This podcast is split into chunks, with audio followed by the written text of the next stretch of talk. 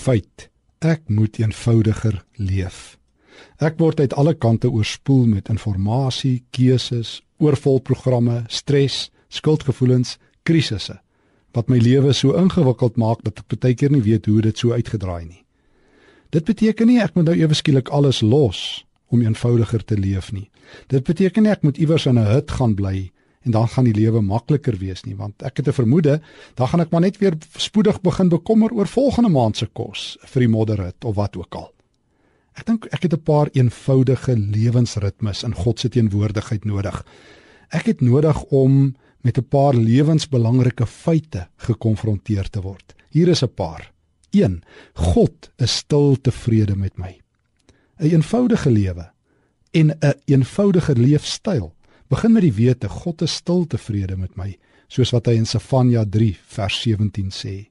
Dit laat my bang hart, my besige hart, my haastige hart, my gejaagde hart tot bedaring kom. Ek weet ek behoort aan hom omdat ek Christus as die Here ken. Niks kan my uit sy hand uitruk nie, soos wat Jesus in Johannes 10 sê. Ek moet 'n tweede ding doen as ek eenvoudiger wil lewe.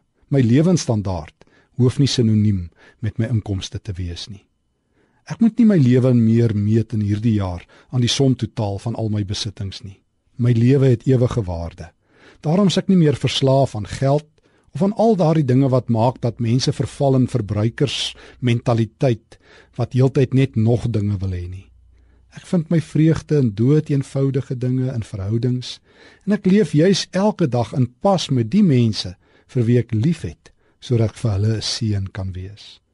Ek het 'n derde ding nodig om te weet dat God tevrede is met my, dat my lewensstandaard nie sinoniem met my inkomste hoef te wees nie en derdens dat ek nie alles vir almal hoef te wees nie.